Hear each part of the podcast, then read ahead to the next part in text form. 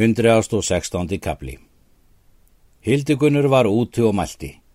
Nú skulu allir heimamenn mínir vera úti er flosi rýður í garð, en konur skulu ræsta húsin og tjalda og búa flosa öndvegi. Síðan reið flosi í túnið. Hildigunnur snýri að honum og mælti. Kom heill og sæl frændi og er feigið orðið hjarta mitt til komu þinni. Hér skulum við, segir Flósi, eta dagverð og ríða síðan. Þá voru bundnir hestar þeirra. Flósi gekk inn í stofuna og settist niður og kastaði í pallin undan sér hásætinu og mælti. Hvorki er ég konungur nýja jarl og vil ég ekki láta gera hásæti undir mér og þarf ekki að spotta mig. Hildigunnur var nær stödd og mælti. Það er ítla ef þér mislíkar, því að þetta gerðum við af heilum hug. Flosi mælti.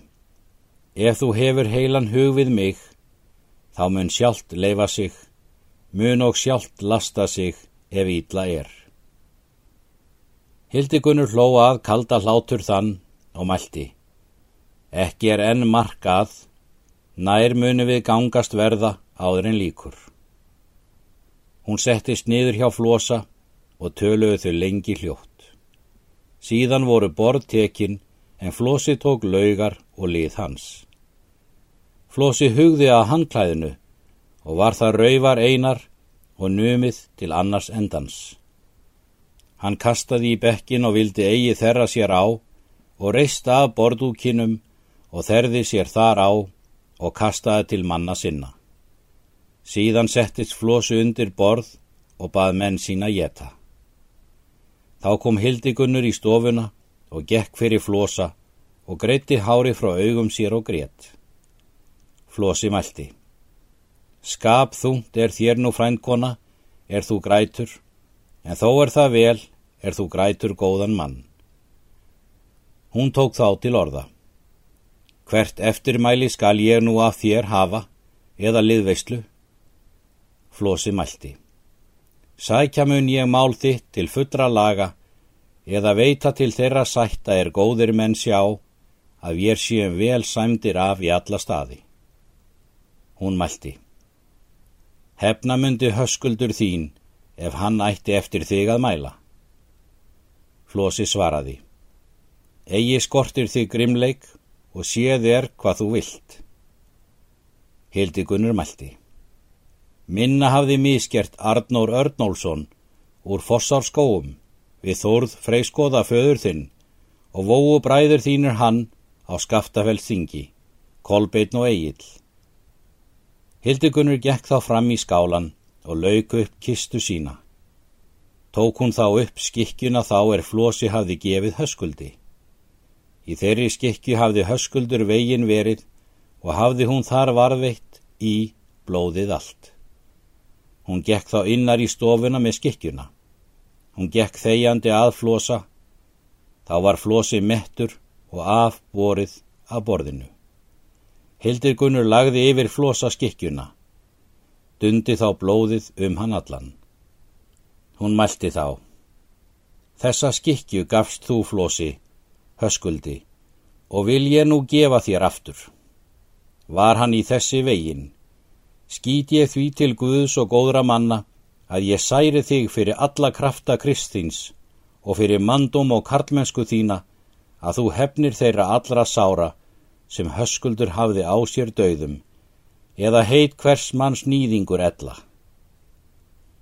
Flósi kastaði af sér skikkjunni og raki fanghennu og mælti. Þú ert til mesta fórað og vildir að ég tækjum það upp er öllum oss gegnir verst og eru köld hvenna ráð. Flosa brá svo við að hann var í andliti stundum rauður sem blóð, en stundum fölur sem gras, en stundum blár sem hel. Þeir flosu fóru til hesta sinna og riðu í braud. Hann reyði til Holtzvaðs og býður þar Siffúsona og annara vina sinna. Ingjaldur bjóað keldum bróðir hróðnýjar móður Höskulds Njálssonar. Þau voru börn höskuld sinns kvíta Ingjaldssonar hins sterka, Geirfinnssonar hins rauða Sölvasonar, Gunsteinssonar, Berserkjabana. Ingjaldur átti þraslaugu dóttur Egils Þórðarssona freyskoða. Móðir Egils var þraslaug dóttir Þorsteins Tittlings.